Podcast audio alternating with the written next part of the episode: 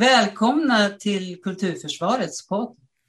Syftet med podden är att göra konst och kultur till en valfråga inför valet 2022.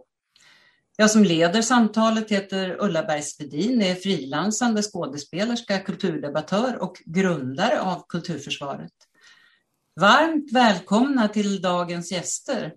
Filmaren och pedagogen Johanna Bernhardsson och skådespelaren och filmaren Gorke Glaser-Müller. Välkomna! Tack, Tack så mycket. Vem är Johanna Bernhardsson och vad arbetar du med för närvarande? Um, ja, uh, jag är um, um, vad ska man säga? Jag är en person som jobbar med film och jag har gjort det väldigt länge egentligen, sedan 96. Och jag gör dokumentärfilm har gjort massa korta filmer, dokumentära, experimentella filmer och nu jobbar jag med min första långfilmsdokumentär, Bröderna Andersson. Sen är jag ju också kvinna och mamma och har tre döttrar. Om man ska utveckla sig lite mer så. så jobbar jag, och så jobbar jag också som filmlärare på Göteborgs folkhögskolas filmproduktionsutbildning. Ehm, och lite andra pedagogiska projekt. Och, jag, och där, och där jobbar jag då 50% på skolan så att jag jobbar med mina egna projekt kan man säga då 50 mm. Men eh, den lilla Johanna då, hur kom det sig att du kom in på filmspåret så att säga? Ja, det är faktiskt så att jag var inne på det här med att jobba med kultur på något sätt. Jag var med min mormor väldigt mycket, Maj Bernhardsson, jag vet inte om du känner henne faktiskt. Hon var sån här väldigt aktivt teaterombud. Mycket på Folkteatern. Ja. Ehm, men i alla fall hon tog med mig väldigt mycket på teater och sådär så att jag var väldigt intresserad av eh, kultur i alla fall. Litteratur och kultur. Men sen så har jag ju då en farbror och det är ju eh, Roy Andersson, filmaren. Mm.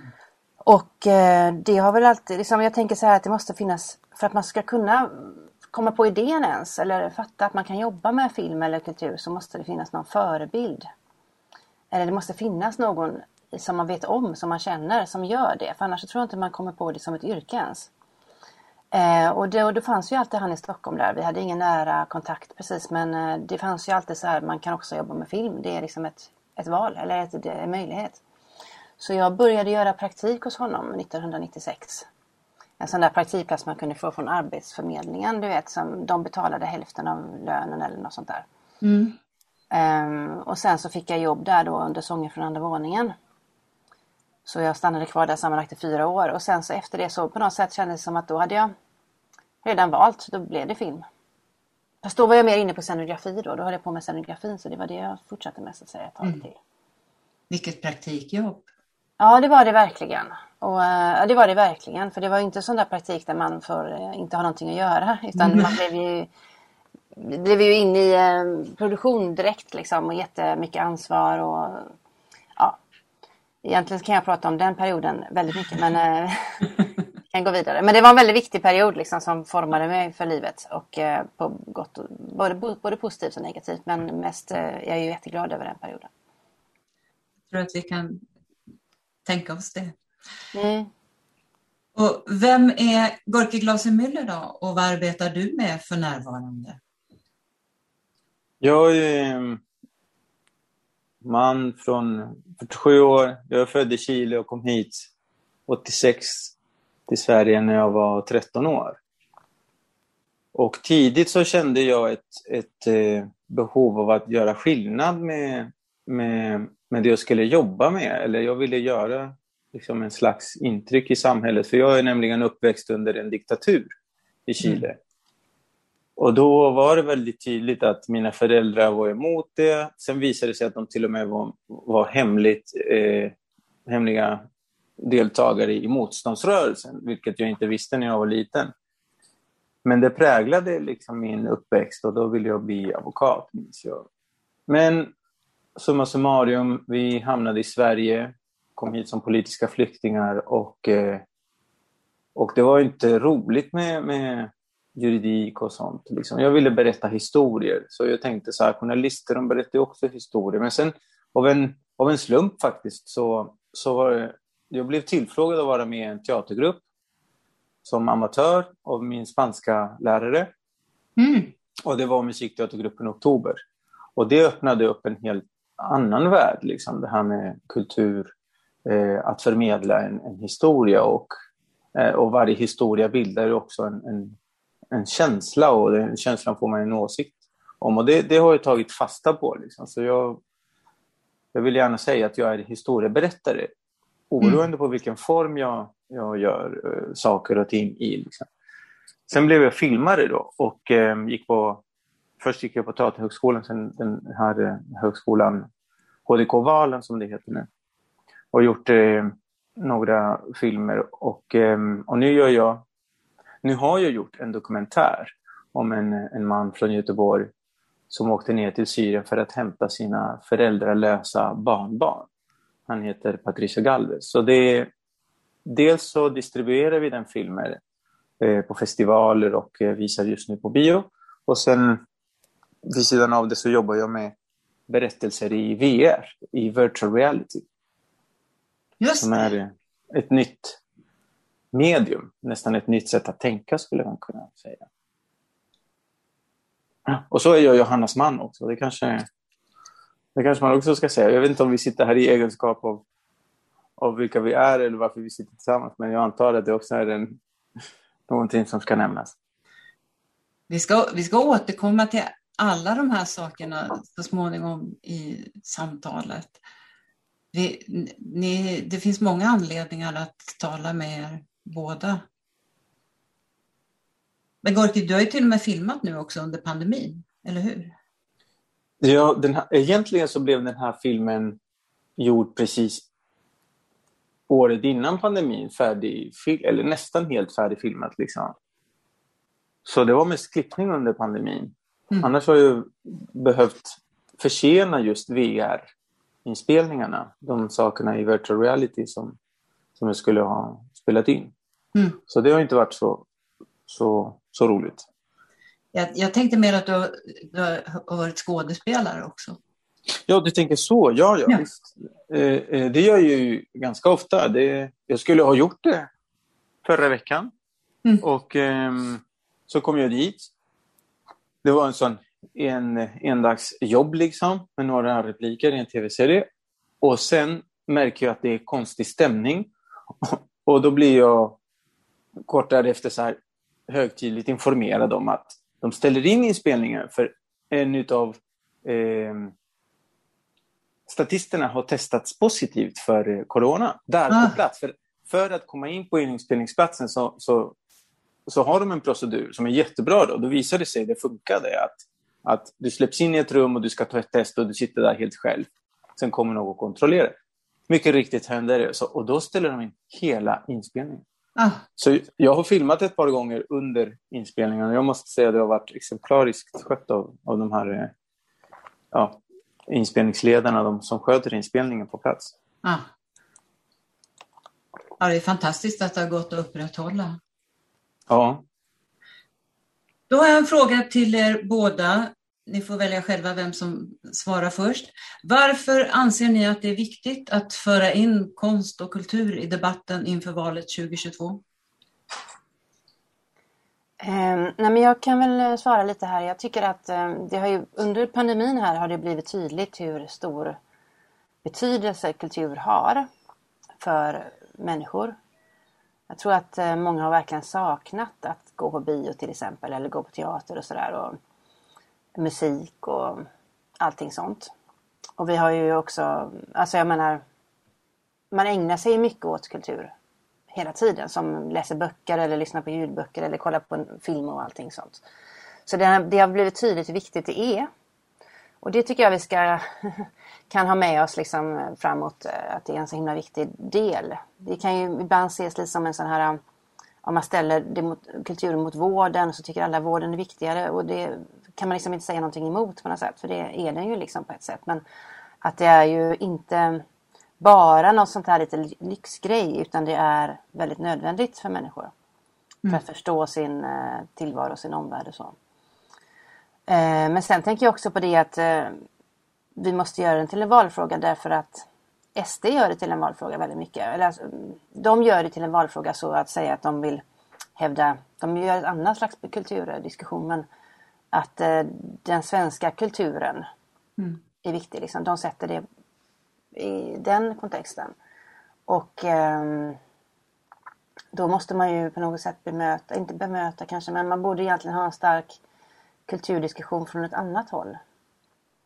Som inte är vinklad på det här, liksom, våran kultur är bättre än andra kulturer. Mm. Att ta, ta ett eget äh, start med kulturbegreppet, eller vad ska man säga. Mm. Burki, vad tänker du? Jag håller med om, om exakt liksom den politiska analysen att om eh, extremhögern här i, i, i Norden, för att det här håller på att hända till exempel i Danmark, där eh, deras motsvarighet till SD har tagit fram ett så kallat kulturkanon.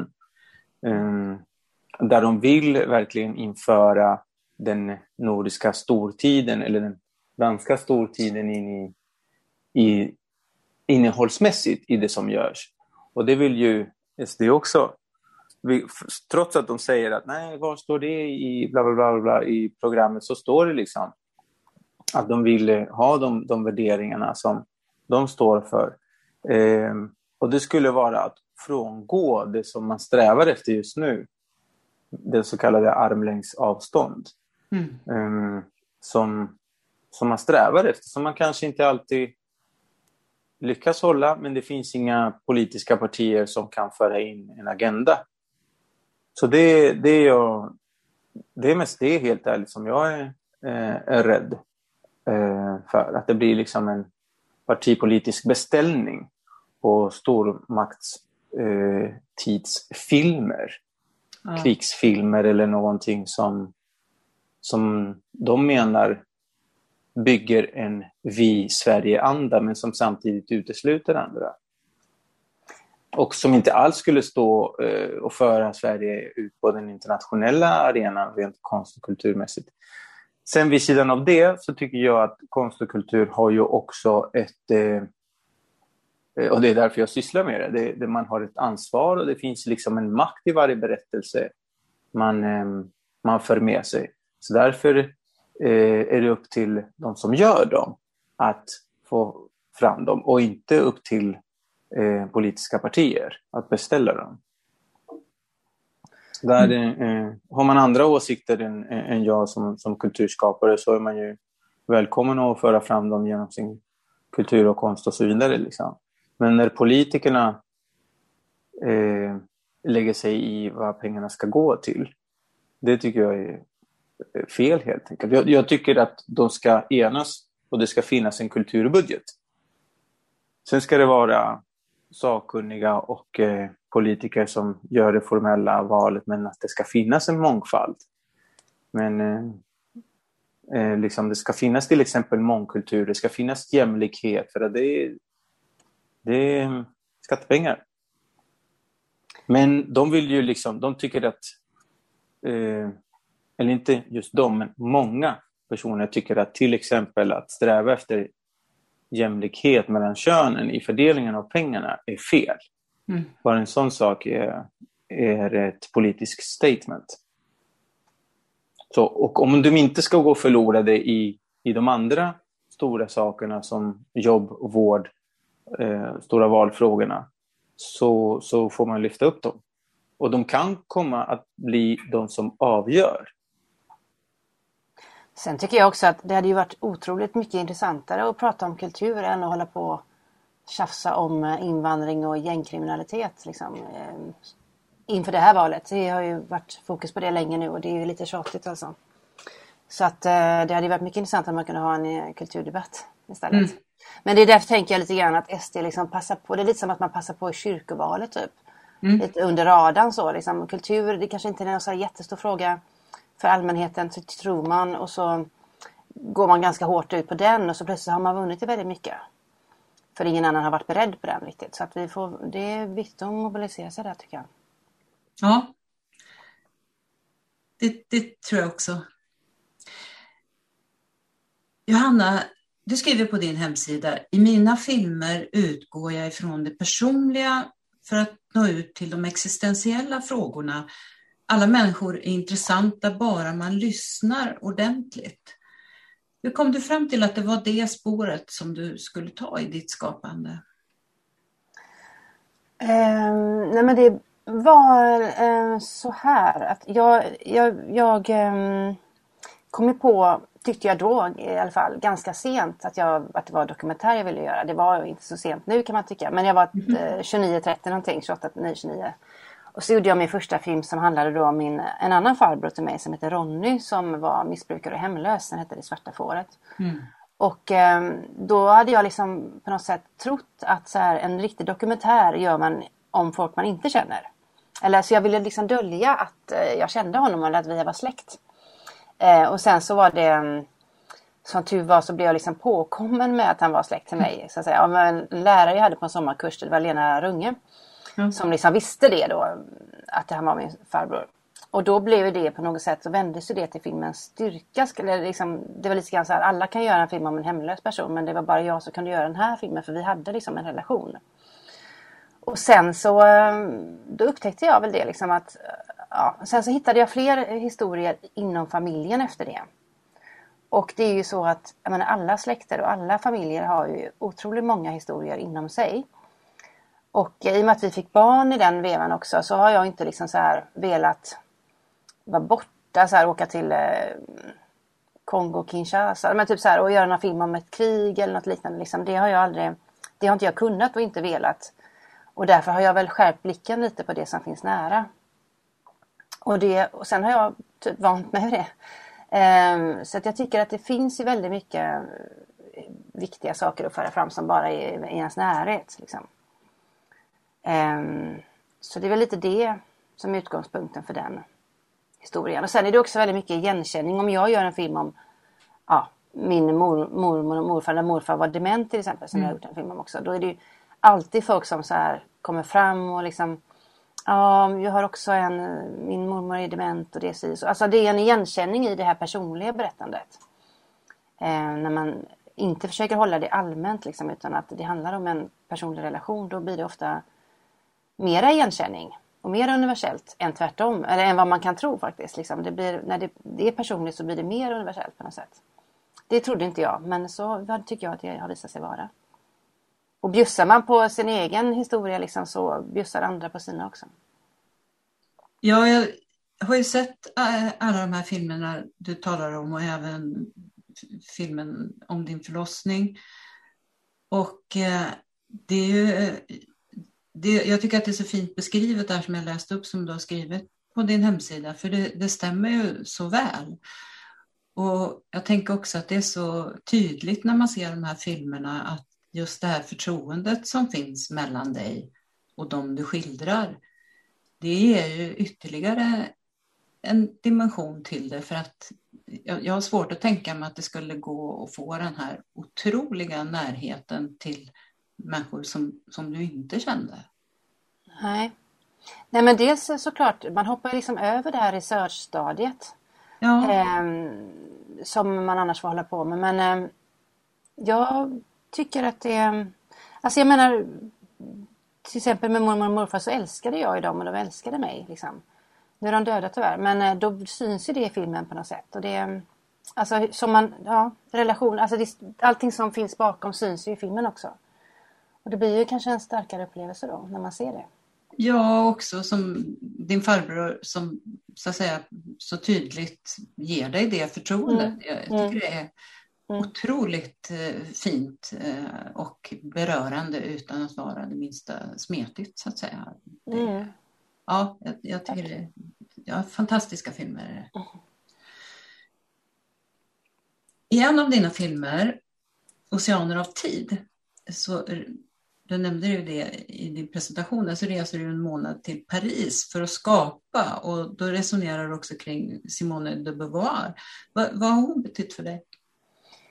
Simone de Beauvoir, eh, nej men det var väl liksom så här, jag var, blev helt så här hooked på henne en gång när jag läste henne när jag var ungefär 25. Och eh, det andra könet läste jag då och tyckte det beskrev hela liksom, mitt liv, och hela min verklighet och sådär. Och sen så läste jag om boken då när jag var äldre och hade tre barn och så vidare. Och så tyckte jag så här, men ja, alltså det, är någonting som, det, är något, det stämmer inte. Alltså jag håller inte riktigt med längre. Eller det blir inte samma upplevelse. Och jag menar, boken i sig hade ju inte ändrats helt enkelt. Utan det var ju jag som hade ändrats. Och det, så är det ju när man läser om böcker långt senare. Ja. Men det var väldigt tydligt att jag kände att det saknades en aspekt. Och det var det här med moderskapet och den mm. upplevelsen. Och det, hur mycket det förändrar ens syn på livet. Inte bara livet rent praktiskt. Liksom. För det hon beskrev i den boken var ju bara typ hur bunden man blir till hemmet och fången och, eh, och så. Eh, men hon beskrev liksom inte kärleken till barnen som gör att man vill vara fången. Eller vad ska man säga. Mm. Eh, så att det var någonting där jag ville göra. Och sen så, men just i den perioden så ville jag ju också väldigt gärna komma bort och bo i eh, Svenska institutets gästlägenhet i Paris som jag hade spanat på några år där på deras mm. hemsida. Och tänkte att någon gång vill jag bo där och bara vara själv typ och promenera. Så eh, det var en möjlighet där att göra det. Helt enkelt. Så det, men hon har betytt, eh, det är väl en bild av, liksom, det är egentligen inte, ja, men, men, ja, det är en bild av en liksom, kvinnoroll. Man sitter på kaféer, röker, mm. liksom, skriver, alltså en, en, en, romantisk bild helt enkelt. Men sen har jag ju funderat på hur jävla kul är det i längden? Det verkar ju ganska tråkigt att sitta där och röka och skriva hela livet. Mm. Men eh, det var väl en idol jag hade liksom när jag var yngre då. Frihets, liksom, ja en bild av frihet. Mm. Men som liksom har förändrats då. Mm, jag känner igen det. det. Ja. Gorki, när jag lärde känna dig så var du skådespelarstudent. Men sen sökte du rätt snart in på filmregiutbildningen. Vad, vad var det som lockade?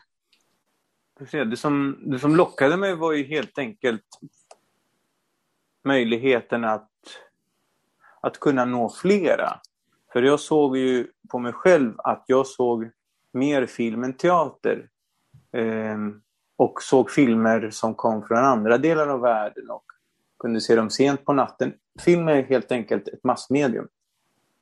Så, um, och att det som jag såg framför mig blev scener liksom, i mitt huvud när jag eh, kom på historier att berätta.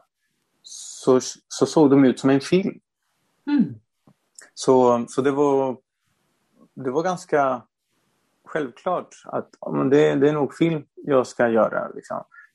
Eh, det var självklart, men det var inte så roligt efter att ha ägnat så mycket tid åt att göra teater som jag älskar. Men det var ju inte liksom bara så här, ja, det är klart det ena leder mig till det andra. Så är det inte, utan eh, jag hade gärna velat komma på det tidigare. Liksom. Men jag upptäckte teatern först och det ligger liksom till grund för mycket av det jag gör ändå. Eh, framförallt i sin kärna att kommunicera med publiken. Du har ju gjort ett stort antal både kort, kortfilmer och eh, dokumentärer. Och... Ja, jag har bara gjort en lång dokumentär. Jag har gjort, bara gjort en, eh, två korta dokumentärer. Så jag vet inte om jag skulle kalla det för stort antal dokumentärer. Nej, nej, men du, Kortfilmer men, har jag gjort, ja. ja gjort och en lång film. Ja, ja just det. Ja. Och eh, du gjorde en eh, kortfilm som heter My Codename Was Manuel som är en enda tagning där du viskar till din dotter som då var baby. Och det är en film som lämpar sig väldigt väl för att lyssna på. Så att jag tänker att vi lyssnar helt enkelt på den och så talar vi om den sen. Mm. 1973.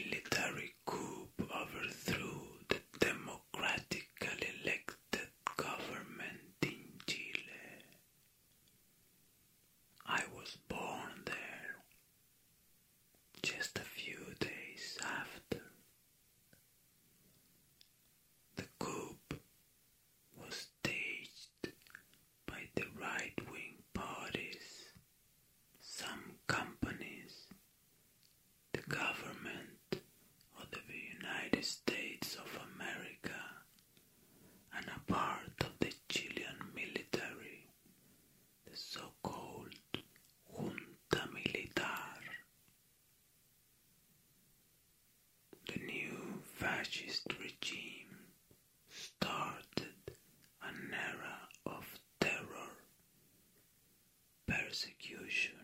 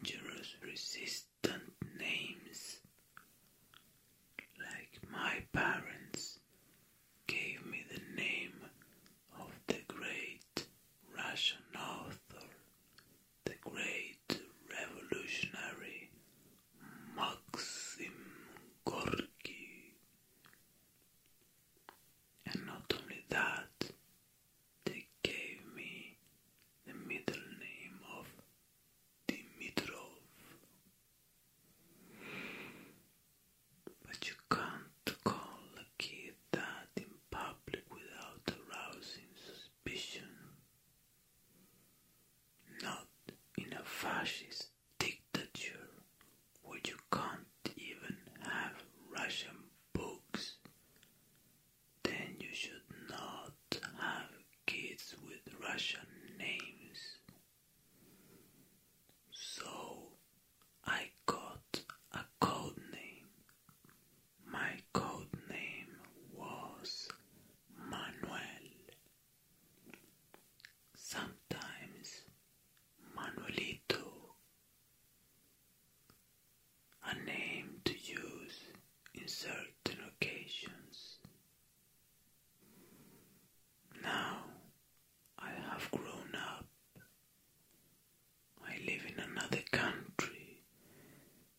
have key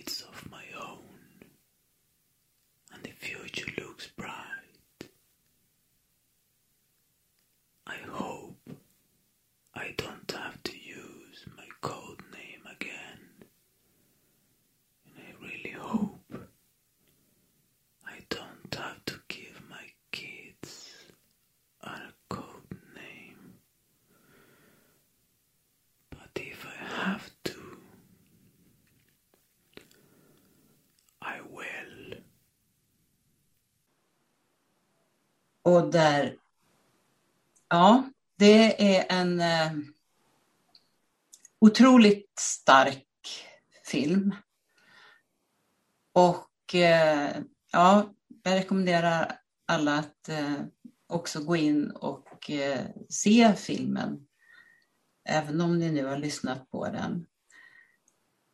Första gången du visade den eh, så att jag såg den så befann vi oss också i ett rum med ett antal människor som hade flytt hit till Sverige. Så det var ohyggligt starkt för mig.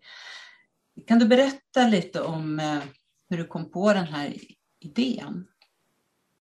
Den här filmen är sprungen av, av ett objekt och det är ett ID-kort som min mamma har sparat på mig sedan eh, då jag var liten och inte ens kunde, ja, jag måste ha varit typ två år eller något.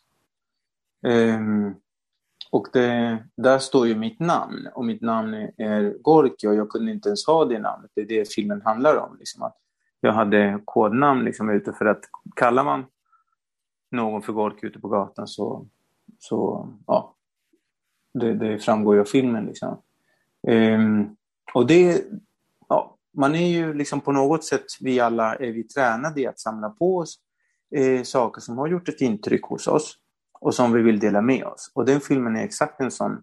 Jag har väntat på ett tillfälle eh, och också ett, en form. Hur ska jag berätta det? Liksom den, den har en väldigt säregen form. Det är en, en enda lång tagning och så är det viskning. Jag vill verkligen att folk ska känna närvaro och det som vi på teatern säger, liksom, publiken ska luta sig fram för att kunna lyssna. De ska vilja bli eh, liksom, ja, de ska vilja sjunka in i, i universumet som skådespelarna skapar.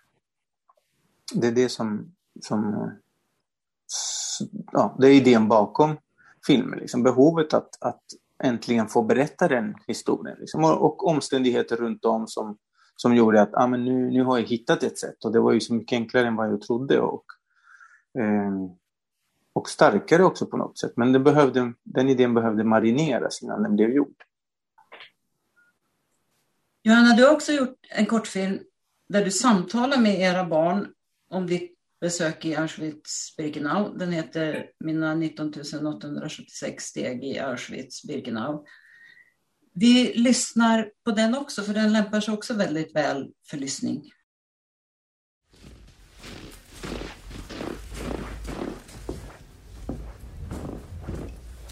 Älsklingar, vet ni vad jag var förra veckan? Mm. På ett sånt där koncentrationsläger eller något sånt. Ja, precis. Vet ni vad det var för någonting? Nej. Jo, det var där Hitler höll alla judar och um, Romer. romer och sånt. Och dödade dem. Mm. Och ehm, det var ungefär 5-6 miljoner judar och kanske 500 000 romer som blev dödade. Mm. De dödade till och med en massa barn. Och de var ju helt oskyldiga. Och det var ju de, de, de vuxna också. De kunde döda bebisar. Alltså, och sånt. Och småbarn. Och stora barn och allting. Är det här nu? Nej, alltså andra världskriget det var ungefär, var ty, ungefär 70 år sedan.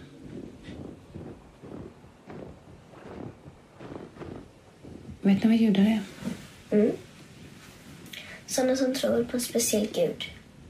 Ja, typ. De tror på samma gud som kristna, men inte på Jesus.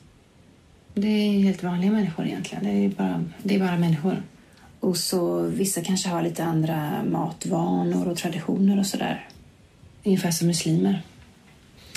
Och så tyckte han att alla skulle vara ljushåriga och blonda och liksom ariska som det kallades. Och dumt, för jag är inte det. Nej.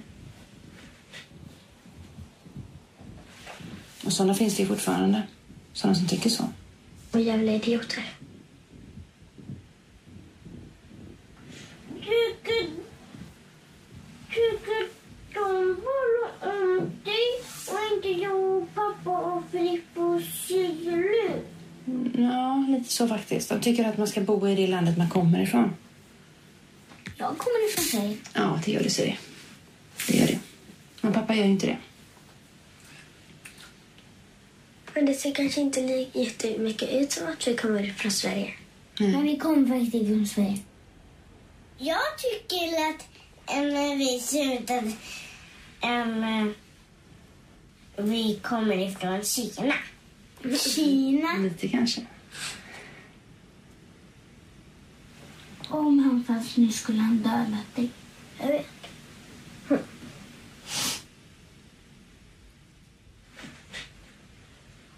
Om han fanns nu. Men han dödade väl sig själv sen. Ja, gjorde han faktiskt.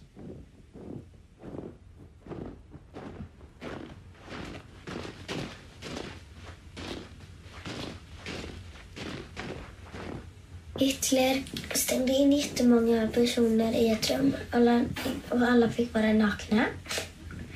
I ett litet rum och jättemånga personer i det. Sen släppte han i gas. Döda gas. Eller farlig gas. Det är enklare att säga så. Ehm, men de som inte ville sköt han. Vad är Gaza?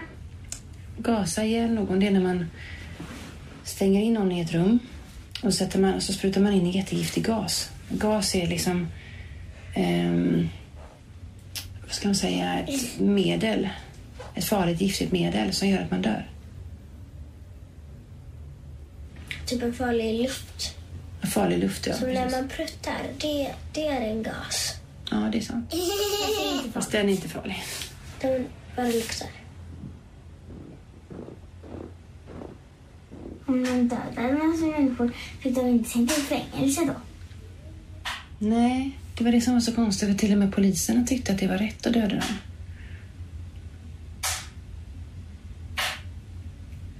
Alla, väldigt många, ja de som var tyska tyckte att det var bra. Att, de, att inte judarna skulle få bo med dem och leva med dem längre.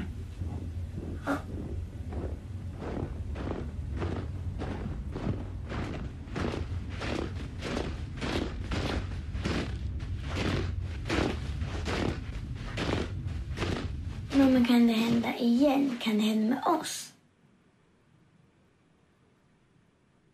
Ja. Också en väldigt, väldigt stark film. Hur fick du idén till den?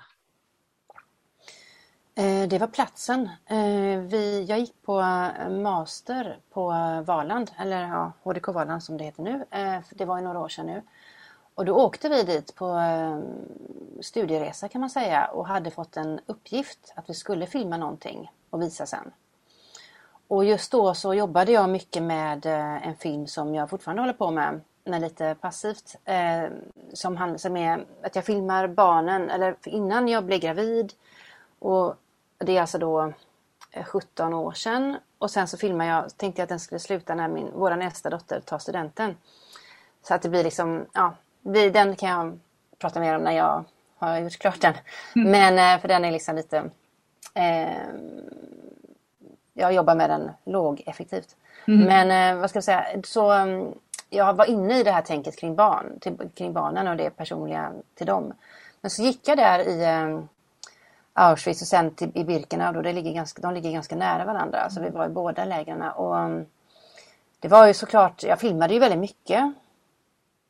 Men eh, när jag kom hem sen och skulle välja ut vad jag skulle visa för klassen då som jag gick i så kändes det på något sätt, jag fick liksom avsmak från att visa det här som man har sett så många gånger. De här barackerna, det här raka leden med allting. Liksom, det var på något sätt också lite snyggt på ett eh, läskigt sätt. Man blev lite tilltalad av den estetiken blev jag.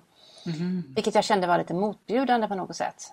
Ehm, så jag vill inte visa det i den här filmen. Eller så jag valde att bara välja, jag, jag, gjorde, jag filmade det på plats också, men det är att jag bara går längs med rälsen som går från ingången till Birkenau fram till gaskamrarna. Eh, och jag filmade ner på mina fötter i princip. Det var snö och kallt och jag, jag filmade liksom bara mina steg. Och sen då när jag kom hem eh, så prat, satte jag mig i sängen med eh, telefonen bara och spelade in röst. Eh, hade jag samtal med barnen då, liksom, att jag ville berätta om var jag hade varit när jag var borta en eh, några dagar och sen så kom vi in då på eh, förintelsen men även då på som kanske egentligen är det viktigaste tycker jag, eller ja, båda är lika viktiga men som gör att den är lite annorlunda. Att vi kommer in på rasismen idag också.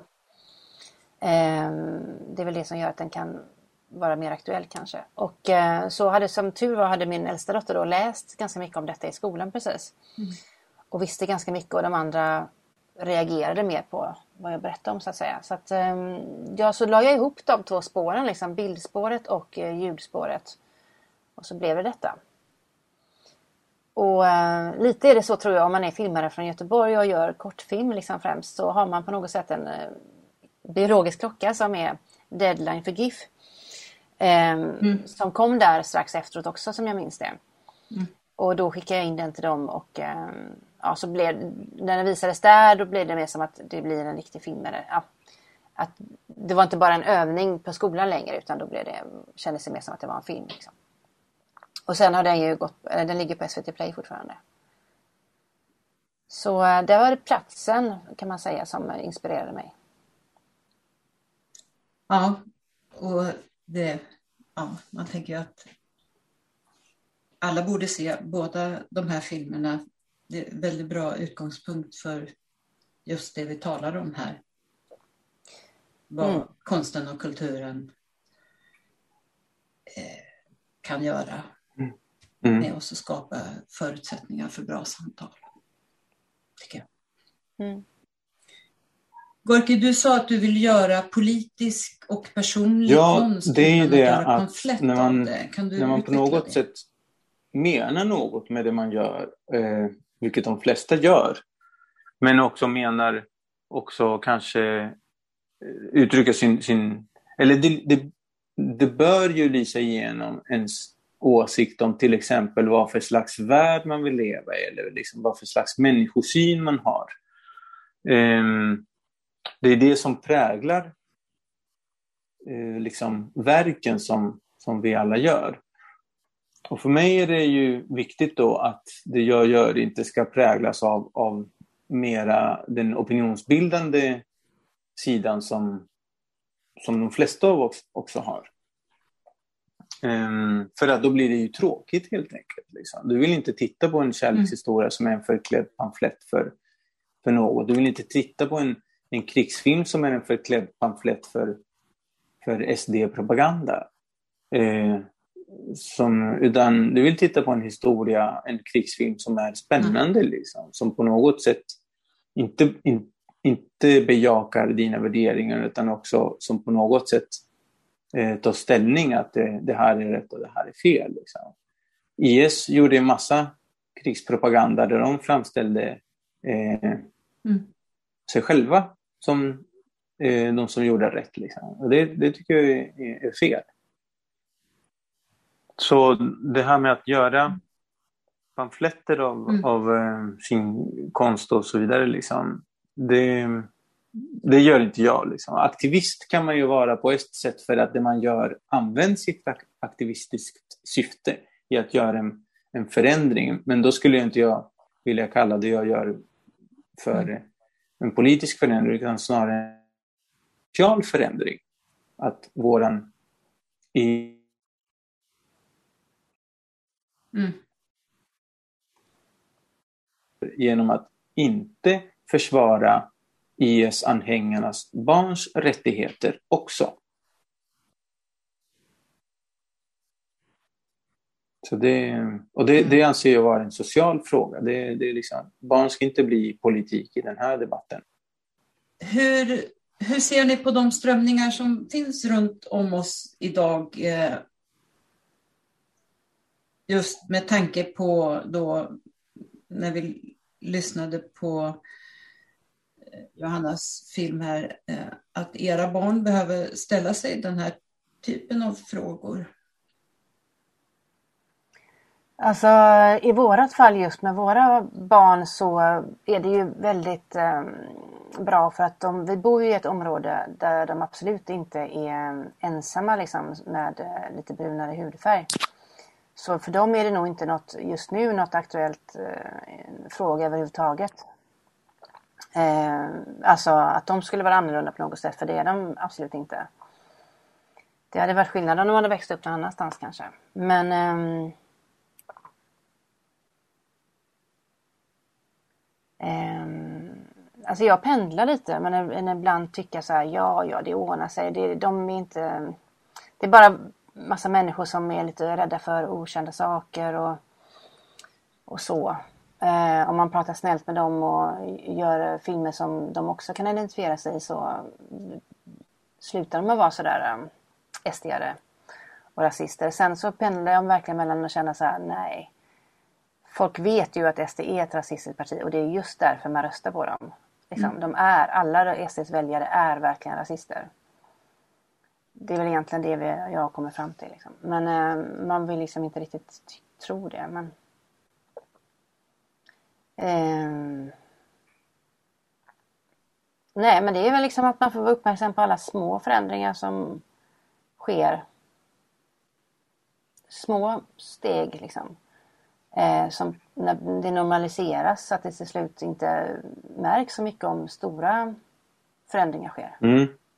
Men det är ju det är ju liksom ingenting vi tänker på på något sätt som en stor grej. Typ att, eh, att du Gorka är född i ett annat land. Det är liksom inte riktigt någon issue liksom så. Men ehm, eh, det är bara barnen är än så länge bara stolta över det liksom. Och De kan ju spanska och så här. Det är bara någonting positivt eh, vad jag kan se hos dem. Liksom. De har aldrig sagt så här. Eller ja, nej. I princip inte sagt någonting om att det är dåligt eller att vara mörk eller något sånt där. Liksom. Så det har väl inte de... Ja, nej. Vi lever inte i den kontexten liksom, riktigt. Nej. Det kanske vi gör fast vi inte vet om det. Så att det rasister. För att det är, det är väldigt typiskt det här att, nu ska inte Ja. jag säga att jag är Mm. fördomsfri eller något, men när man känner någon så är det så här, ja ah, men du är okej, men alla andra. Eller, eller eran familj, den här gruppen, men de andra. Mm. Eh, om man belastar, eh, liksom, ja, definitionen på, på rasism är ju att för samma sak döma hårdare en annan person eller grupp. Eller liksom. Och jag tror att det lyser igenom väldigt mycket i debatten. Eh, att alla dåliga saker som händer i Sverige eh, tillskrivs eh, invandrare. Liksom. Att en, en viss sorts människor ser ju mycket, mycket allvarligare eh, på ett brott begått av en människa som inte är svensk, född utomlands och ser mörk ut än på samma brott men av eh, någon som, som är härifrån. Liksom, förstår du? Då, då är man eh, helt fel ute, för det, det, är, det är inte så det ska bedömas. För mig är det en, en fråga om, eh, om att även andra barn eller unga som inte till exempel eh, har någon personlig erfarenhet av förtryck eller ehm, bara det här med förintelsen till exempel, att, att om man inte får lära sig att det här hände och att det drabbade så många miljoner människor på ett systematiskt, väldigt uträknat sätt. Eh, liksom att de, att de här personerna, nazisterna, liksom verkligen gick in för det. Rasisterna runt om i Europa enades ideologiskt i att förinta människor. Det, det, är, liksom, det är den tanken som är, de kallar det för den, den ehm, Mm. slutliga lösningen. Liksom. En, en lösning. Och, och jag ser en direkt samband med, med vardagliga rasismen för att om man fortsätter med det så, den strukturella rasismen, liksom man fortsätter så, så är ju den slutgiltiga lösningen, eh, den är ju grotesk. Men den är ju möjlig tack vare att man har förankrat det hos en, en bred folkmassa. Man har förminskat andra människors värde till den graden att de inte är värda att försvaras och de är inte ens värda att försvara sig själva. De är till och med, man, det är önskvärt att de försvinner. Och då börjar folk jobba för deras försvinnande. Liksom. Så jag tycker att barn och ungdomar, men även vuxna, liksom ska åtminstone bli informerade. Och konst och kultur kan också göra att de blir också berörda av de här historierna. Um, och där finns det liksom ett syfte med, med konsten. Sen behöver inte allt konst ha ett, ett syfte. Man kan också göra, precis som jag menade innan, liksom.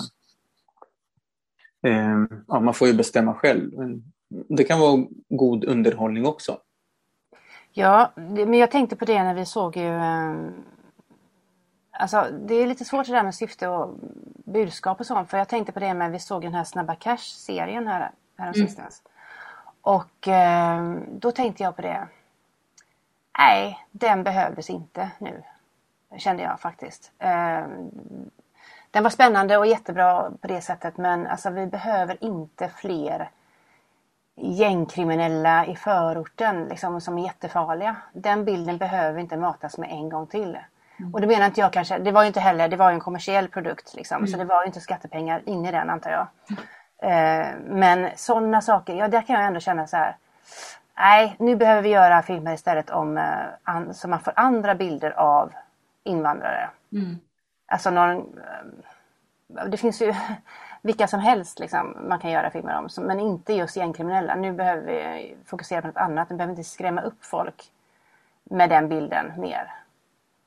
Ehm, ja, så att det är väl inte att styra. Alltså jag, men jag menar, ja, jag vet inte. Men jag tycker att vi behöver, vi får tänka också lite grann på vilka bilder vi släpper ifrån oss. Ja, Vi som Ja. gör kultur och konst. Ja, precis. Även om man inte ska censurera en idé så menar jag inte riktigt heller att styra på det sättet. Men man, kan, man, får en, man har ju ändå något ansvar hur man liksom Vi är ju delaktiga i det samhället vi skapar. Så alltså man skildrar inte bara samhället utan man är ju också med och skapar ett samhälle. När man släpper ifrån sig bilder som andra ska se. Även om man kan tycka att det kanske tar sig själv på för stort allvar så är det ändå det man gör på något sätt. Och då kan man ju välja lite, vad är det för bilder man släpper ifrån sig här? Mm. Och hur kommer det landa liksom? Ska vi göra folk mm. ännu mer rädda för förorten eller ska vi göra tvärtom? Ja. Men det är väl någon slags tradition det där med att just att ska det vara människor med utomnordisk, utomnordiskt ursprung med i olika berättelser så, så ska det också problematiseras eh, mm. på ett eller annat sätt. Eh, det är samma sak mm. med, med hbtq-personer. Det ska problematiseras. Mm. Det, är inte, det är inte människor som lever ett vardagligt liv som alla andra, utan det ska problematiseras. Det blir ju väldigt märkligt, för då gör man ju en skillnad på eh, de människorna jämfört med alla andra. Ja. Alla människor har ju liksom problem. Ja, precis. Men eh, deras problem handlar bara om det. Liksom. Men det är på grund av det. Ja. Det, är mm. inte, det är inte relaterat till just det. Man blir, man blir sin sexualitet eller man mm. blir sitt etniska ursprung. Mm. Ja, samtidigt så... så på, kan jag, tycka. jag tycker att det har blivit bättre i, i vår skildring eh, av, eh, av vårt samhälle, liksom det här andra lagret. Första lagret skulle man kalla det för, det är det huvudpersonerna driver och råkar ut för och så vidare. Liksom. Men just i andra lagret, där alla de här sakerna som kastarna till exempel ska tänka på, att det ska finnas en, en mångfald när de bygger upp ett universum. Um, men sen är det ju så, liksom, många skapares kulturuniversum är mm. inte eh, mång, eh, den är inte mångfacetterad. Den kan vara väldigt eh, enfaldig. Så att, eh, och försöka då mm. göra ta ett steg mot en slags mångfald och ja, man kanske inte ens är intresserad. Det, det finns inte det behovet. Det här är inte det, den eh, berättelsen som ska ta ansvar för det. Utan det får andra ta ansvar för. Eh, det är ju mycket riktigt att tänka så. Det är ju legitimt också bland de som, eh, bland de som, som, som gör grejer. Varför ska jag behöva ta ansvar för det här? Liksom? Eh, utan jag skiter väl i det här. Liksom. Det är många konstnärer som jobbar så. Jo, det är väl en hårfin gräns där. Mm. Jag tänkte att vi skulle eh, gå över till att prata om eh, vad som hände. En, en dag så hörde en gammal vän av sig till dig, Gorki, med en fråga som skulle sätta både dig ja, det var och familjen på ganska Patricia Garnevets. Morfadern till de här sju föräldralösa barn som satt fast i ett, i ett eh, IS-läger i norra Syrien, där någonstans. Eh, vi var inte vänner från början, vi var ju mera bekanta genom konst och kultur just för att jag hade filmat några framträdanden mm. som de hade gjort, några live-framträdanden. Han hade jobbat som musiker, jag hade också gjort musikvideo för dem. Och så ringde han mig en dag och sa att han hade något viktigt att berätta men inte kunde göra det på telefon. Och han lät väldigt allvarlig. Så när vi träffades så var det ju det här oerhörda tragiska beskedet som han hade, att hans dotter hade dött. Eh, hon hade då eh, fött ytterligare tre barn, totalt sju. Var nere i Syrien med sin pappa och precis nu hade deras pappa Mikael Skråmo då, som han hette. Alltså Patricia Galves dotter var gift med terroristen Mikael Skråmo. Eh, och hade gått med i IS. Och eh, mm. ja, och eh, dött. Båda föräldrarna var döda och han lämnades liksom med eh, både sin förlust och behovet att göra någonting åt det. Och hittade inte någon hjälp hos varken myndigheter eller organisationer. Um, så han, han hade bestämt sig till och med innan han visste exakt var barnen var och, eller om de levde, att åka ner dit på väldigt, väldigt kort tid från och med att han kontaktade mig. Och det satte då mig och därmed också eh, familjen då för en hård, eh, vad ska man kalla det för, svårt val. att åka eller inte åka och göra film eller inte göra film. Och det utan mm. någon som helst garanti eller löfte om att det här blir inte bara en bra film, inte ens en film. Det kunde lika gärna inte ha blivit något som går att visa upp i det formatet. Liksom. Jag tro, tyckte, trodde hela tiden att det här kan bli, det är liksom den övertygelsen som man har när man skapar. Men, men är man dessutom så var sannolikheten att han skulle lyckas så liten. Så det var ju på vinst och förlust. Ur, ur flera perspektiv.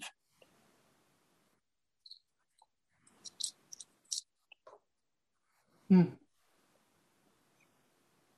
Nej, nej det gjorde Men, jag inte. Utan, sa du ja med en eh, gång? Jag hade ju flera dagar där, liksom, kanske en vecka, då jag behövde liksom gå igenom vad är det för omständigheter där nere och vad är det för eh, historia den platsen har. Eh, de senaste, vad är det för händelseförlopp? För det var ju bara några veckor sedan IS hade blivit besegrad rent geografiskt. Liksom. Deras sista läger eh, hade fallit. Bagos heter den, den staden. Så mm, det var ju flera dagar om Marina. Det, den researchen gjorde inte mm. det lättare heller för att det var ju flera som um, det påmindes väldigt mycket om några svenska journalister som hade blivit just tillfångatagna eller till och med kidnappade. Uh, och inte där i den, nödvändigtvis i den, det området utan rent historiskt. Liksom. Ganska o, ofiltrerat. Liksom. Det var bara en känsla att jag har mm. inte gjort det här. Um, kände mig väldigt ensam och uh, men med ett stort behov av att filma det. För han var i ett stort behov av att hitta dem och det inspirerar ju till att han ville att jag skulle dokumentera det. Eh, jag var tydlig med honom att säga att det här kommer inte bli en film snabbt. Jag jobbar inte så. Liksom. Men, eh, men sen hemma visste jag ju liksom att ska jag vara borta, jag visste inte riktigt hur länge och vi förlängde det så det var ju väldigt snällt att, att jag fick åka. Um, och, eh, men det var ju inte roligt att lämna eh, Johanna och barnen så liksom under de om, osäkra omständigheterna.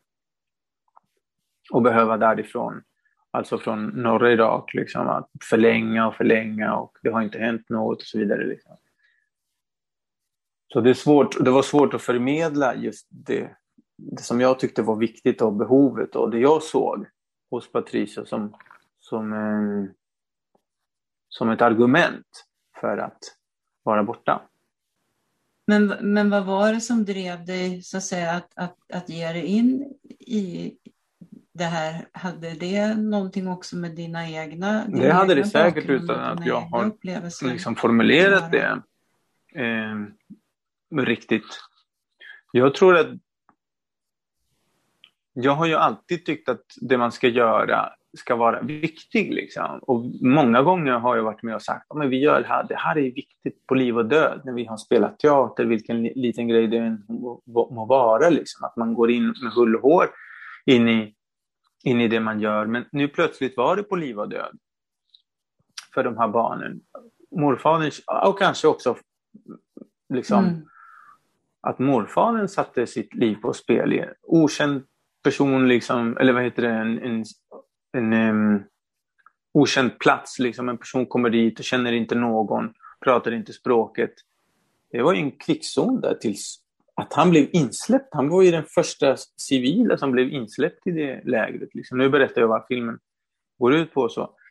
Men, men eh, det, den nivån ja. på angelägenhet och farlighet och allt liksom var ju bara så stort.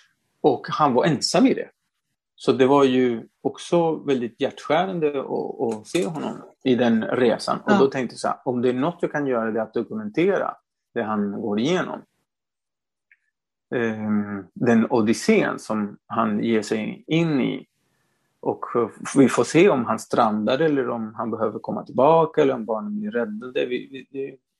Han var ju rädd att i alla fall ett av barnen skulle vara skulle dö för att till och med pappan, Mikael Skråm, hade dödförklarat honom några veckor innan. Sagt han är så dålig så vi får nog säga hej då till honom. Skrev han i, i ett sms. Liksom. Så Ja. Patricio och hans familj hade liksom förberett sig lite på det, hur bra man nu kan förbereda sig. Och som bakgrund till det här, att, att, kunna, att kunna ta hand om förlusten Ja. Eh, av, en, av ett barn, en dotter, liksom, bara några månader innan. Så det, det laddade liksom hela min Mm. insats att här finns det något eh, som, som, som är så för oss som jobbar med det här, det här är ju berättarbart. Det bör berättas. Det bör liksom... Någon ska ju göra det. Och då är den någon jag. Ja, jag har ju sett filmen och det är ju det som känns, för du är ju inte bara filmare, du deltar ju i själva räddningsarbetet, du tar hand om barnen, du, du är ju mitt i det och det är ju därför jag frågar om, det, om din drivkraft, för att det är ju som att det Ja, syns både och. att För det att är man, lika viktigt jag började för ju, dig. och jag var väldigt noga med att vara filmare eh, så, så fort kameran var på. För att man vill inte, det, var, det här var inte alls en Mm. film om två kompisar eller en kompis Mm. som följer med Patricio Galvez.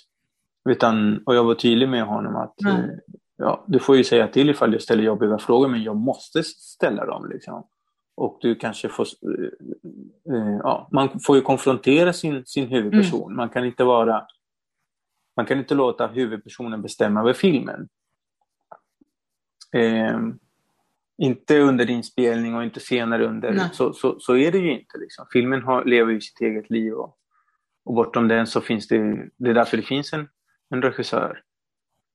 Att jag Mm. blev inblandad mera in i händelserna var ju mest Mm. på grund av just angelägenhetsgraden, att det gick inte att att vara, eh, att förhålla sig passivt. Liksom. Man blir ju drabbad och, och både glad och ledsen när det händer saker.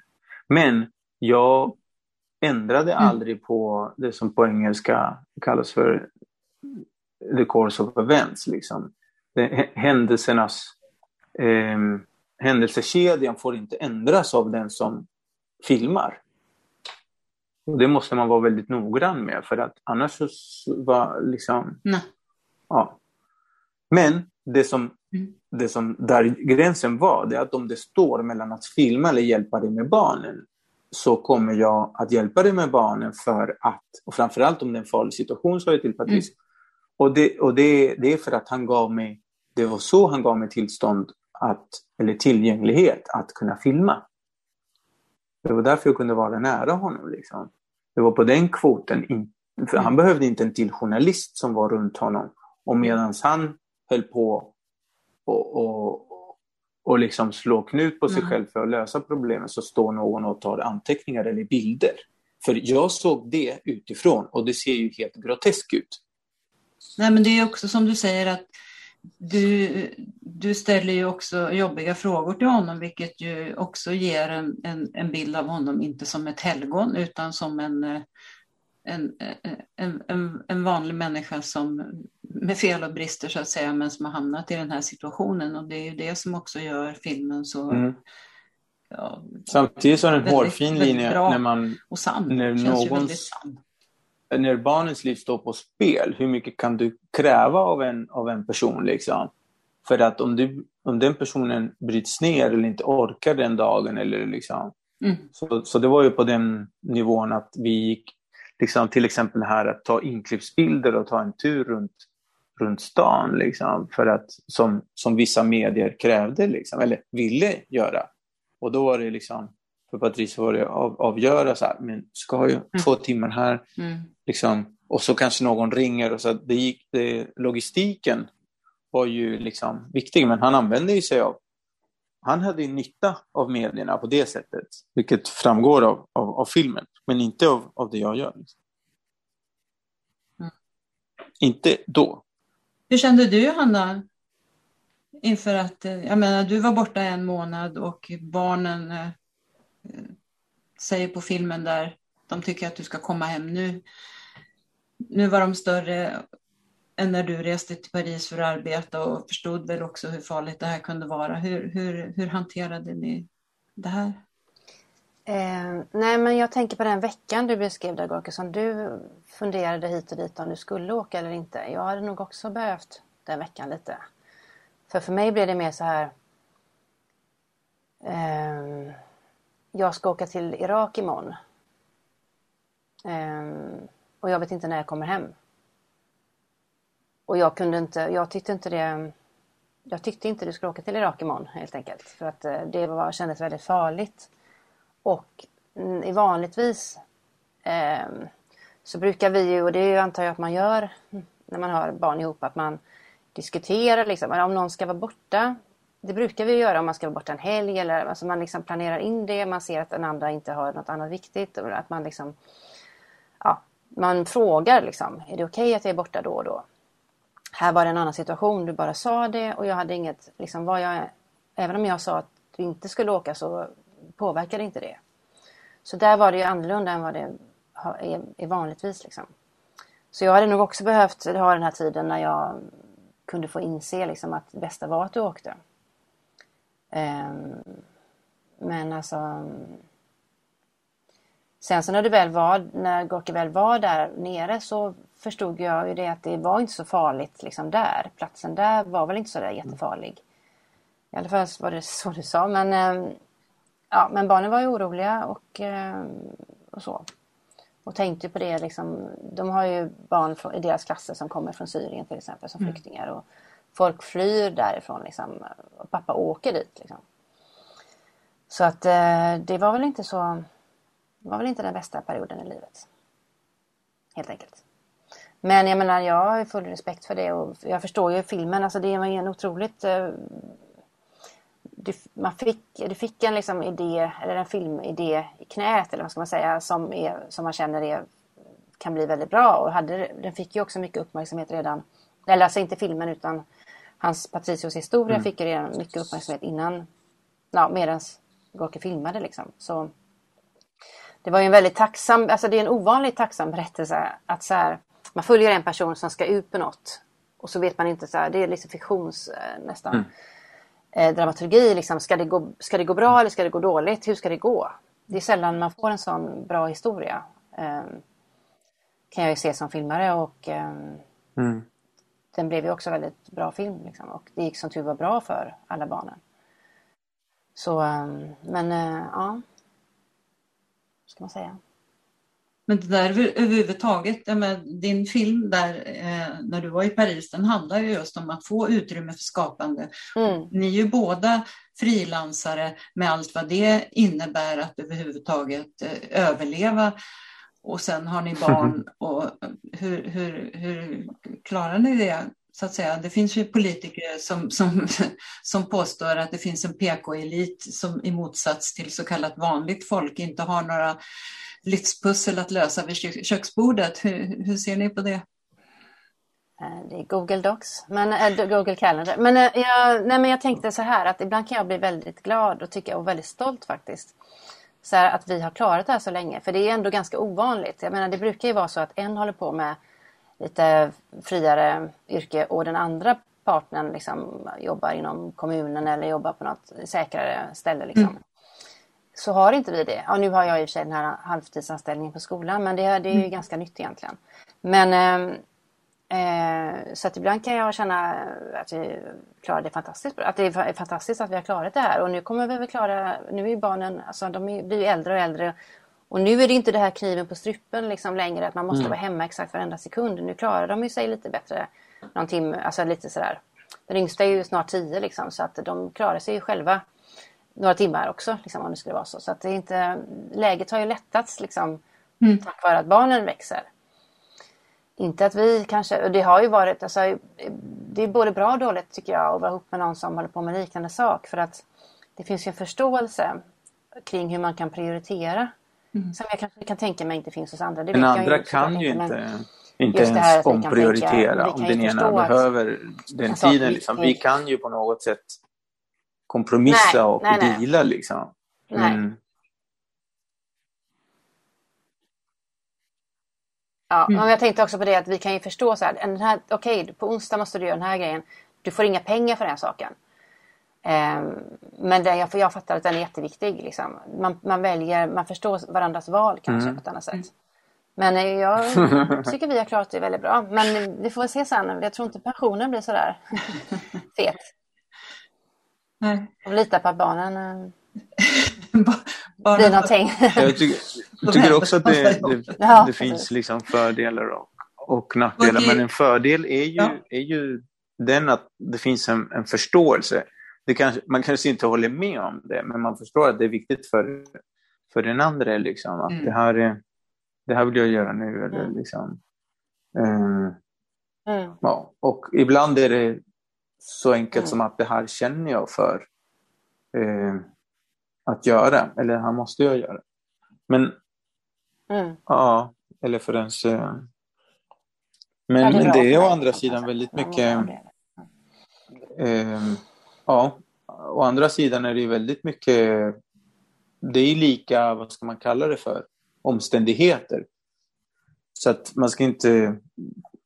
Om det nu finns någonting bra om att, att ens partner har en sån här stadig jobb och så vidare, liksom, så har inte vi det. Eh, men det ena för det andra. Liksom. Det, Nej.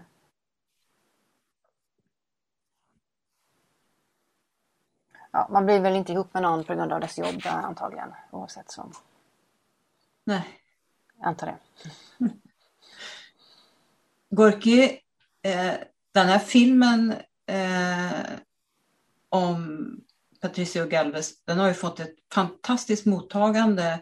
Du har presenterat den ja. på flera Ett, festivaler. ett pris har den fått. Den fick eh, eh, europeiska... Den har fått flera för, priser. för förra helgen fick den europeiska Ett pris. eh, Ja. kritikernas pris. Fipresci heter den. På filmfestivalen. ja. Ja, det har den. Men den har varit väldigt uppmärksammad. Hade du förväntat Ja, dig jag det hade här mottagandet? inte räknat med den men jag hade ju hoppats på den. Absolut.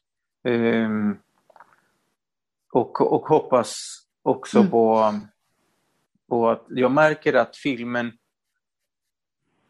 liksom också bidrar till, till att man diskuterar barnens rättigheter. Liksom. Är, är det här riktigt? Är inte det här liksom ett slags tjänstefel eller vad man ska kalla det för när myndigheter i Sverige, när det finns en, en em, det finns en möjlighet att hjälpa de här barnen. Det är inte så att, att eh, möjligheten är långt borta.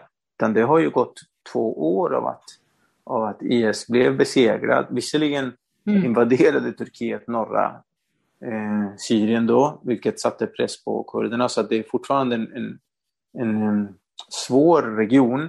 Men om andra länder repatrierar, varför inte? Så, så det jag är mest glad över är att filmen i Danmark skapade den en sån debatt just i, i rätt ögonblick att, att eh, när den visades på CPH Docs så var den den näst mest sedda filmen och eh, hade långt flera eh, tittningar under själva debatten för det skapades en rabatt runt den än något annat online. Liksom. Och folk la sig i och skrev. Liksom. Och då, då fanns det en diskussion som jag inte riktigt tycker finns här. Det finns bara ett Mm. ställningstagande för eller emot. Ehm, men jag känner att det håller på att svänga. Liksom. Det håller på fler och fler människor ut, uttalar sig Eh, för att barnen ska behandlas som vilka andra barn som helst. Ehm, och det finns det två anledningar för. Dels är det för att barnens rättigheter ska försvaras, de här svenska barnens rättigheter. Eh, och det andra är för att de människorna där som led av, av eh, IS eh, härjningar eh, måste få resurserna till sig själva. Liksom. De kan inte gå till att också upprätthålla, eh, liksom att stödja eh, de här eh, lägren som IS-fångarna hålls i. Utan de fångarna ska dömas i Sverige. och i, va, i varje land därifrån de kommer. Liksom. Det är det att ta sitt ansvar och bidra till världsfreden. Ja, det, det är groteskt. Det är som om nazisternas barn skulle vara ansvariga för det nazisterna gjorde. Liksom. Ja, det är Mm. helt obegripligt. Ja, vi hoppas att eh, diskussionen... eh,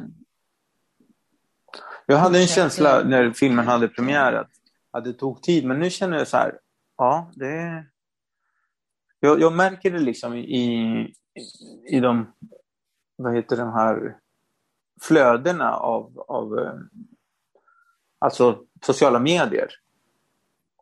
Och den tystnaden man hör från, eller den tystnaden som finns från, Mm. från UD och regering och sådär, liksom, den kan inte hålla för alltid. Det kommer att det kommer att hända något och bara häromdagen så var det fem länder till som skulle repatrieras och till slut kommer Sverige vara själv liksom, i, i ett hörn. Kommer att vara bland de sista fem länderna. Ska det, ska det behöva vara så? Ja, När alla andra länder har gjort detta, varför är det så?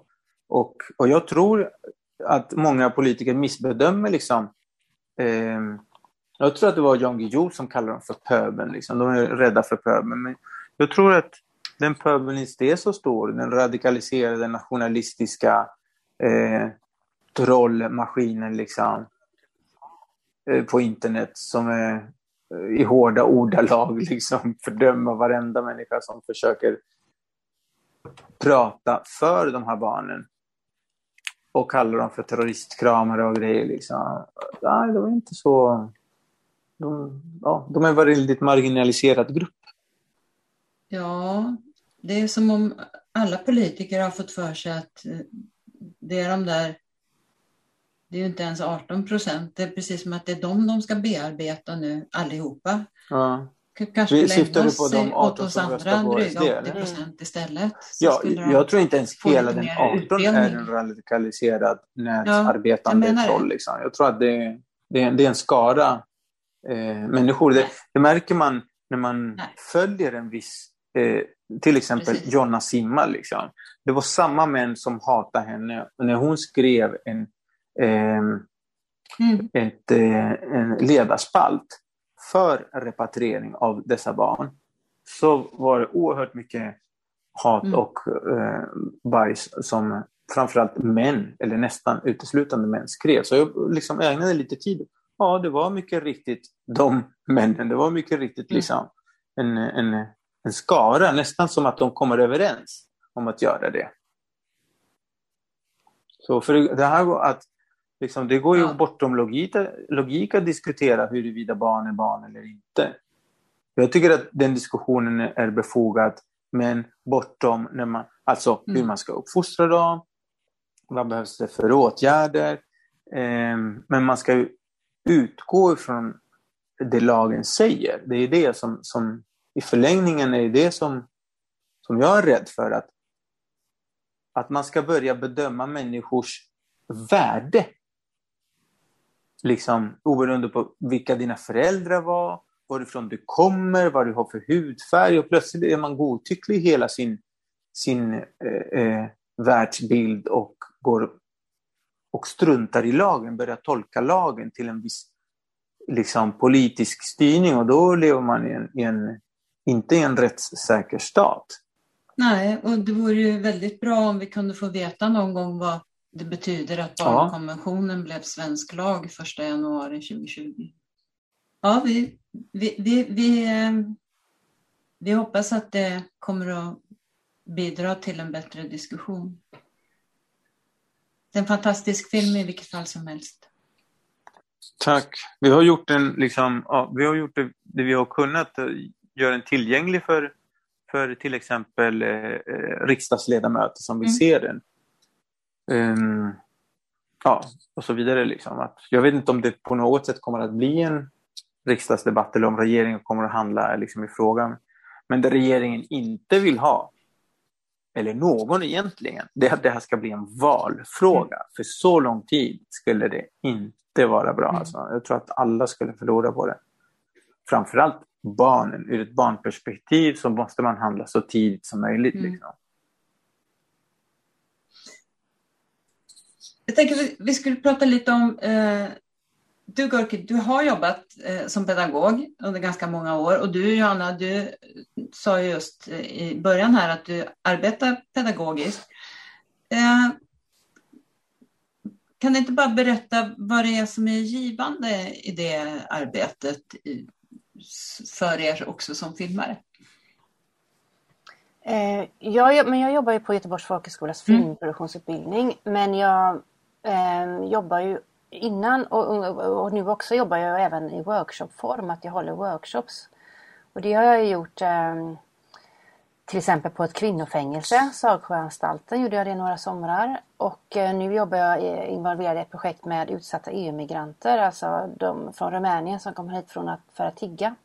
Att de får liksom göra egna filmer då utifrån sina personliga ingångar. Eh, vilket är också väldigt spännande. Jag tänker det är ju en andra målgrupper liksom än ehm, filmelever som redan vill göra film. Men det är väldigt häftigt att vara med när folk gör sina första filmer. Det är en väldigt fin upplevelse tycker jag. Eh, för att det är faktiskt inte sådär jätte, jättesvårt liksom, att göra en film på en iPad till exempel. Liksom. Det, och då, då blir det så häftigt att se så här, wow, jag kunde. Liksom. Det, är en, eh, det är fint att vara med på sådana saker.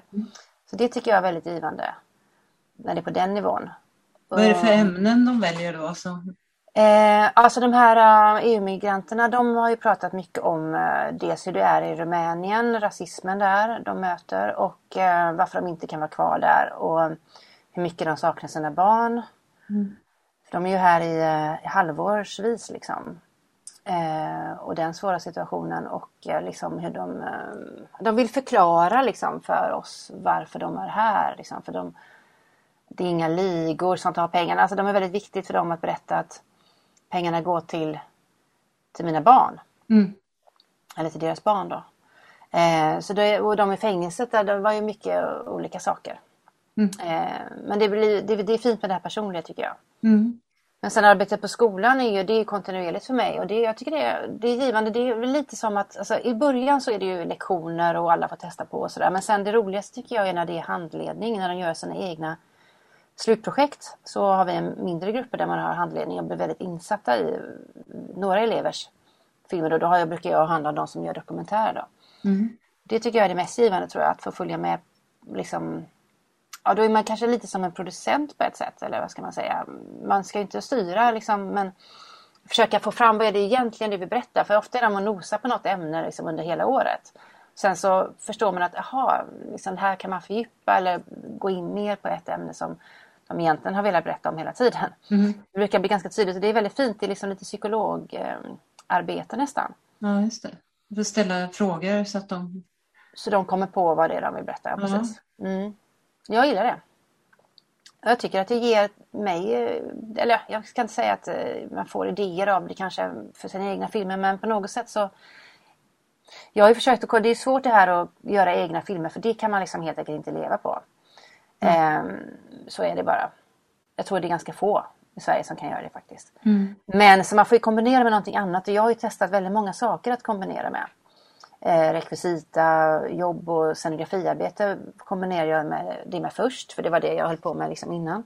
Och sen har jag börjat kombinera det med pedagogiska projekt och då har det varit på frilansbasis tidigare men nu är det ju mest det här fasta jobbet på skolan då 50% och det är den bästa kombinationen med eget arbete tycker jag som jag har hittat hittills.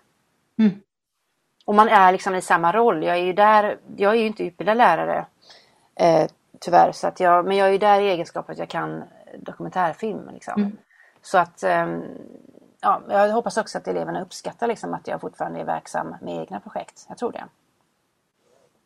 Det kan jag tänka mig. Mm. Gorki, du började ju i princip undervisa nästan direkt efter att du slutade filmskolan. Det gjorde jag. Och det var ju för att... För att... Eh, för att jag fick chansen. Liksom. Jag fick- Jag fick frågan. Men när, direkt då jag började så kände jag att jag lär mig själv. Det är nog kärnan i, i, i, i, ja, i mitt pedagogiska arbete. Liksom. Nu har inte jag gjort det så mycket, men varenda gång jag har gjort det har jag känt liksom att wow, nu har jag lärt mig ännu mer. Jag blir inspirerad, man får, det, det är liksom som att hålla koll på sin samtid, att ha framförallt unga vuxna. Mm. Det är liksom, man får en känsla för vad är det som är viktigt för dem nu, vad är det som pågår. Man får referenser som man inte får annars. Man sitter fast i sina gamla filmer från 2000-talet, liksom, från början. Liksom där. Eh, om man inte eh, uppdatera liksom, sitt, sitt videotek. Lite så. Sen är det ju, man ifrågasätter sig. Man, eh, man ifrågasätter liksom sina egna inte grundvallar kanske man ska säga, men, men liksom teman som man plockar upp. Man ifrågasätter eh, sättet man lär ut på och så vidare. Jag tycker man, trots att det inte, det finns ingen lika med tecken att vara en bra lärare är lika med att vara en bra regissör.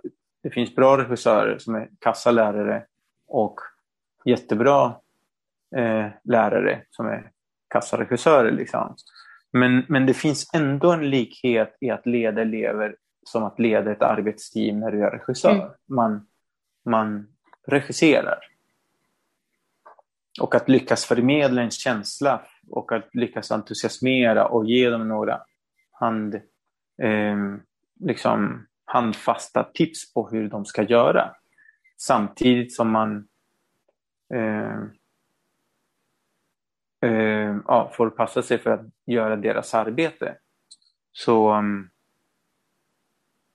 så är det jätteanvändbart för mig. Och jag tycker att det är roligt. Ja, det är väl det också att man tvingas formulera sig kring sina kunskaper också om man ska lära ut. Mm. Absolut. Ja, det, det är det jag menar. När man gör det, då har man liksom lärt sig själv att ah, ja, just det, det är det här. Ja. Um, Ja, exakt. Man tvingas omformulera, man tvingas formulera sig. Man tvingas ta ställning, man tvingas svara på frågor. Mm. Sen är det massa av de eh, liksom, eleverna, de, de blir jobbiga. Liksom. De blir dina, din, de blir en motpart ibland. Mm. Eh, vilket är en utmaning. Jag har jättemycket att tacka alla mina lärare, inte bara filmlärare utan alla engagerade som jag har mött och, och minns väldigt många som har verkligen ansträngt sig från, från jag var liten. Liksom. Att de ser någonting i dig och så, och så ger de dig inte bara faktakunskap utan de ger dig en uppmuntran. De, de ger dig liksom ett sätt att tackla problem. Eh, var och en i, i, i sitt område. Liksom. Mm. Och det är, det är en framtids, på något sätt, jätteviktigt yrke som, som framtiden hänger på. Och det är, det är också en politisk fråga. Ska lärarna jobba på till exempel fria skolor? Ska de vara utbytbara när det inte passar en, en politisk eh, driven skolledning? Eh, liksom, ja, är, lärarna var de som drabbades hårdast eh, i Chile under kuppen. Mm. För att de förmedlade också eh, värderingar. Hur ska man leva sitt liv? Vi ska inte ha lärare som propagerar för demokrati, bara det. Liksom. Mm. Så det är ett stort ansvar lärarna har. Verkligen. Johanna, du har fått frågan när ska du börja riktigt film sa du. Eh, och eh, eh, nu har ju, ni har ju båda nu nya projekt på gång. Eh, och, och, nu ska du göra, eller ska du göra en riktig film, Johanna? Jag vet inte riktigt, för det är ju det är väl snarare, det jag menade egentligen med eller det jag, jag tänker med det där är väl att eh, riktig film är egentligen, dels är det långfilm Mm. Och sen är det, det ska inte handla om någon man känner och så ska det, helst lång vuxenfiktion är väl egentligen riktig film. Mm. Men eh, det är väl för att jag har fått höra det lite att jag bara gör film om sådana som jag känner och ur mitt perspektiv. Alltså filma sin egen förlossning till exempel. Det kan ju anses väldigt privat. För saker om, som kvinnor har väl alltid, det blir lite nedvärderande det här med är det privat eller personligt till exempel. Eh, och man kan säga om eh, kvinnors verk ofta att de är för privata. Men om en man då, liksom någon eh, statsman eller någonting skriver en väldigt personlig biografi så är det så här, åh vad han var personlig och vad fint. Men att om det handlar om kvinnors erfarenhet så är det så här, men vem bryr sig om de där disktrasorna eller graviditeten liksom. Det var, väldigt för, det var alldeles för privat. Men det är väl på väg bort tänker jag, det tänket lite grann. Men hur som helst, jag ska göra en ny film då som heter Bröderna Andersson. Och det är ju, jag är tillbaka lite där jag började helt enkelt. Det handlar om mina farbröder igen. Och min pappa, så det är min pappa och hans tre bröder. Och eh, det ska bli en långfilm och det är um, jättespännande att hålla på med. Mm. Så att jag är väldigt uh, mån om den här processen, att den ska vara intressant och givande. Um, under tiden jag gör filmen också. Inte bara resultatet liksom. Men det ska bli väldigt, det är väldigt kul. Jag håller på, jag ska, på måndag ska jag filma Roy. Och eh, jag filmar ju då min pappa. Ja, det är fyra bröder då. Ronny som gjorde min första film om, han är ju död sen, han dog 2012. Mm. Men jag har ju det materialet som jag filmade då. Mm. Så det blir en historia om eh, syskonrelationer, arbetarklass, eh, klassresor, alkoholism, eh, sociala arvet kanske. Jag är liksom lite svårt alltid att förklara exakt så här, det, här, det handlar om det här. Jag är liksom fortfarande lite i det utforskningsstadiet. Mm. Så jag filmar, jag, jag får alltid börja med att filma och klippa. Och sen veta vad filmen ska handla om. Mm. Jag tycker det är svårt att veta det innan. Mm. Ja, jag ser verkligen fram emot att uh, få se den filmen. Mm. Det är inte bara handling utan vad den innehåller är ju också viktig. Liksom. Jag, jag tänkte på humor. Ja. Att, liksom, ja, det, vad handlar den om är, är svårt att svara på, men vad, din, vad innehåller mm. den? Den innehåller mycket humor. Liksom. Det gör den. Annars låter det så tungt. Ja, det liksom. låter tungt, ja. Precis. Klassresa ja. och missbruk och arbetarklass. Ja, visst. Men... jo, men den är berättad med mycket humor. Dels, eh, de, är väldigt, de är ganska roliga, alla bröderna. Och eh, jag jag kan inte säga att jag är rolig men eh, jag har ju, liksom, vi har liknande humor. Liksom. Så det kommer också vara, det kommer inte bara vara en deppig film liksom, fastän att det kan verka så. Det är kul att du säger det där liksom, Gorki, för att när Johanna berättade det där så i mitt huvud så fanns det absolut humor med. Men mm. det har nog att göra ja. med min egen bakgrund tror jag. Mm. Jo, men det är ja, något, igen... kan ju hända. Nej, men det är något igenkännbart för ja. svenskar i alla fall ja. uh, i den generationen. Att, uh, man borde liksom...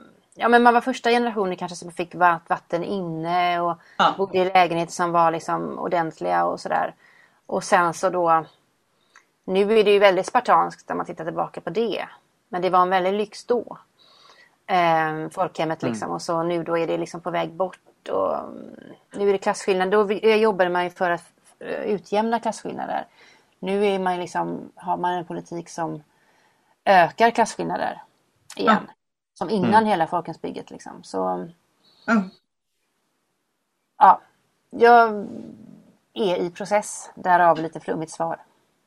Ja. Vad filmen handlar om. Ja, nej men jag fattar precis. det, det, blir kul tror jag. Mm. Ja, men det, det, kommer det bli. Men det kommer också bli ganska tragiskt på ett sätt. Jo, men det brukar, brukar hänga ihop. Mm. Mm. Precis. Gorki, du planerar också något nytt. Har du något? Eh... Ja, det som all, det ligger allra, allra först en inspelning i Holland på ett eh, VR-verk och det är dans. Jag har sedan några år tillbaka velat göra dansfilm och när jag upplevde de första verken i virtual reality, det är då man tar på sig ett par glasögon och hörlurar och så är man i en virtuell värld som man kan röra sig och oftast interagera med. Så det finns en viss... Det är som man kan säga ett ihopslagning mellan spel och eh, film. Um, men är varken det ena eller det andra, utan det är, det är en annan upplevelse helt enkelt. Men att se dansare då eh, inskannade, det är som att vara i en virtuell värld och se hologram eh, på dansare. Det är det som jag ska göra härnäst. Och det är, det är också en... På något sätt har jag förlikat mig med, med just ja, de saker som, som har drabbat mig hårdare än vad jag trodde att de hade gjort det. Liksom. Och nu pratar jag om min, mitt chilenska arv. Um, så det är en, en, ehm, en dansare som dansar för sin frihet i ett, i ett av de många... Uh, det är ett abstrakt verk, för det är, det är modern dans, men i de många fängelserna som uh, under diktaturen mm sattes upp lite här och där, eh, som kunde vara stora villor till exempel, som var övergivna eller ja, militärerna tog ju så det, det är det verket liksom. Um, som är först. Sen har jag några andra saker som uh, jag har skrivit. Um, så jag ska återuppta det skrivandet och sen har jag en annan idé. Som vanligt då. Så. Men att berätta så många saker blir så... Ja, jag är också i en process som är, um, som är att välja mycket, många saker i utveckling och sen när en av dem liksom kickar igång och blir en, en eh, pro, produktion, det är då det blir av. Liksom. Mm. Um, och där är vi i den, när det här virtual reality-verket som spelas in i, i Holland. Det låter ju oerhört spännande. I keep you posted. Ja. Porque, Ni lär få veta ja. det. Gorke, är det så att du nu, eftersom du är i full fart med lanseringen av din dokumentärfilm, är det så att du behöver lämna oss nu? Ja, exakt. För då säger jag tack så mycket till dig och så får Johanna ta hand om den avslutande frågan. Tack så mycket då för att jag fick vara med Ulla. Jätte Fint. Jag tycker den här eh, idén är viktig. Tack så mycket. Vi hörs. Och lycka till. Ha det bra. Tack. Ja. Hej. Hej. Hej då. Jag har ju en avslutande fråga. Mm. Och det är på vilket sätt och av vilka anser du att konst och kulturpolitiken bör debatteras inför valet 2022? Så att det som står i alla kulturplaner blir tydligt. Att konst och kultur är viktigt för såväl samhälle som medborgare. Eh, oj, då fick jag ta den svåraste frågan själv här. Eh, det, jag, eh, vad ska man säga? Jag kan väl tycka generellt att eh, utövarna borde ha mera plats. Och inte lika mycket tjänstemännen. Eh, har jag nog alltid känt lite att eh, det, väl, det, finns ju liksom ett system som är uppbyggt att vissa jobbar med administration kring film och dela ut pengar till film och, och sånt där. Och um, utövarna inte alltid är med i de sammanhangen där det debatteras. Så jag tycker att de som verkligen håller på med de här branscherna ska vara med och debattera. Sen är det liksom en tids och pengafråga allt sånt där. För det finns ju massa organisationer man kan vara med i som filmskapare till exempel. Men det är alltid på ideell basis och då får man liksom prioritera bort det när man håller på med något projekt. Eh, så det vet jag inte riktigt hur man ska lösa då. Men jag vill ju att debatten... Alltså jag är lite, det är lite tråkigt det här att, att kulturen ofta ställs mot någonting annat.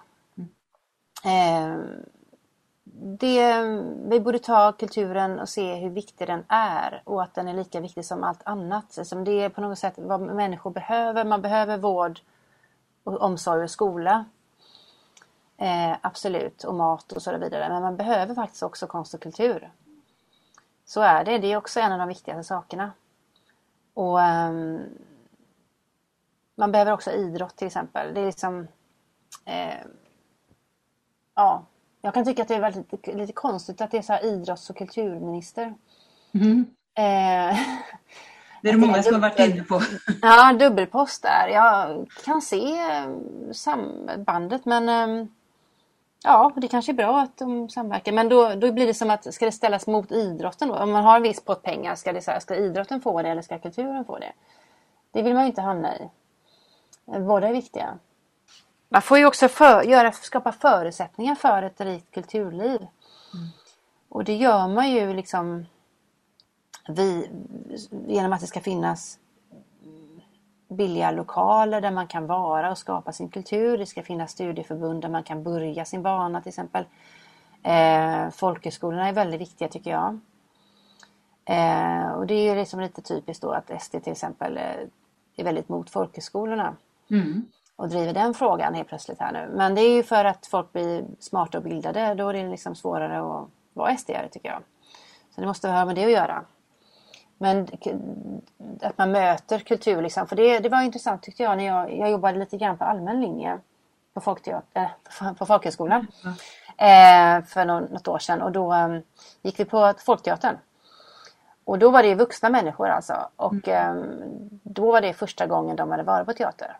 Mm.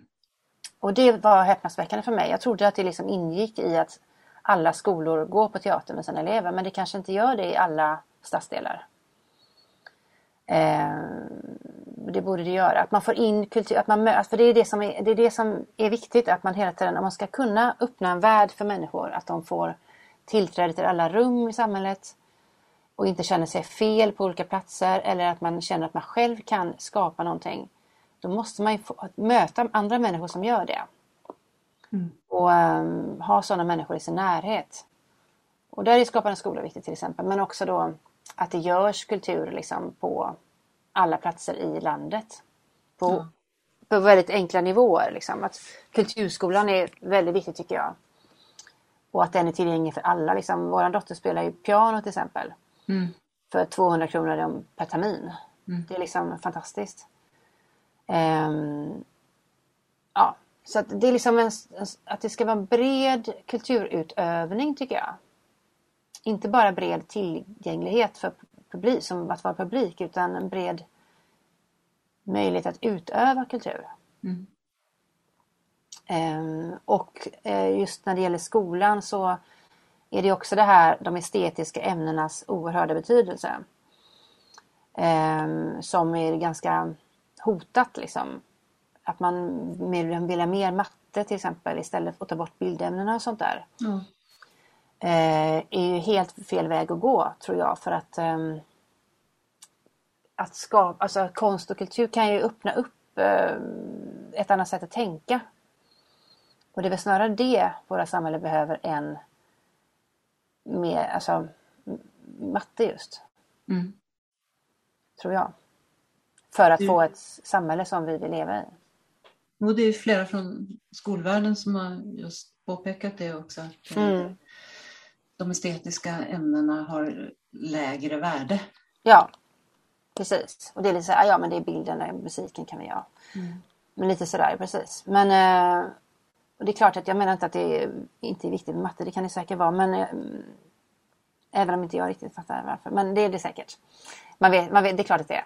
Men, men liksom på något sätt så handlar ju kulturen om väldigt grundläggande behov. Liksom, Mm. Som vi har. Och det, det, är, ja, det behövs, behövs prioriteras och inte tas bort. Liksom. Så det tycker jag är en viktig debatt.